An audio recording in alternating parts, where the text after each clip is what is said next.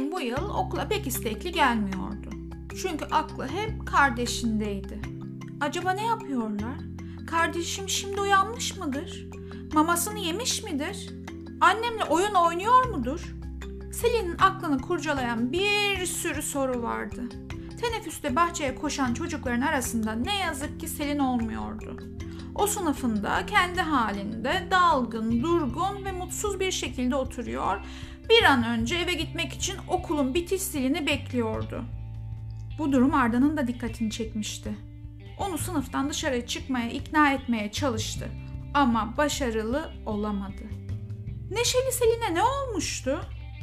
Arda sonunda dayanamadı ve bir fırsatını bulup bu durumu Selin'in annesiyle paylaştı. Ertesi gün Selin birdenbire ağlamaya başlayınca arkadaşları şaşırdı.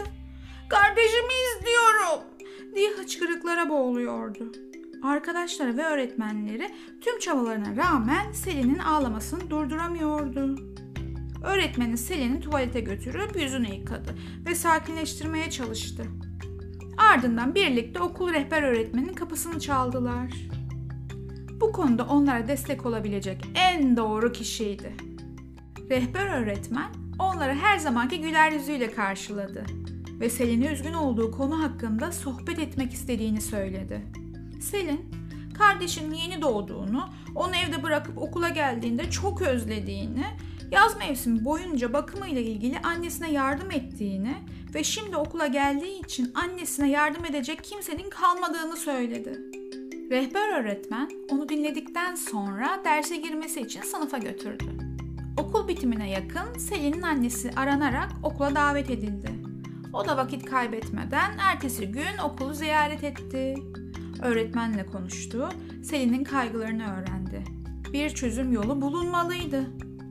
Selin'in kafasını kurcalayan şey okulda olduğu zamanlarda annesine kim yardım ediyor sorusuydu. Banyo yapınca ona kim havlu tutuyordu? Emziği yere düştüğünde kim koşup annesine yetiştiriyordu? Uzunca bir sohbetten sonra çözümü Selin'in anneannesini evlerine misafir etmekte buldular. Anneannesi evlerinde olunca bu işlerde annesine yardımcı olabilecek ve belki de Selin'in tüm sıkıntılı düşünceleri sona erebilecekti. Teneffüs zili çaldığında rehber öğretmen onu da odasına aldı ve alınan kararı açıkladı. Bunu duyan Selin'in birden gözleri parladı ve oley diye çığlık atarak annesine sarıldı. Anneannenin eve gelecek olması çok iyi bir fikirdi. Selin'in yüzü gülücüklerle doldu. İki gün sonra anneanne evlerindeydi. Selin artık koşarak okula gidiyor, teneffüslerde bahçeye çıkıyor, arkadaşlarıyla oyun oynuyor. Aklındaki düşünceler de böylece uçuşup gidiyordu. Havanın güzel olduğu zamanlarda da annesi ve anneannesi onu okuldan almaya kardeşiyle geliyordu.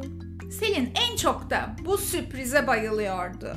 Her şey yoluna girmiş, herkes eski mutluluğuna dönmüştü.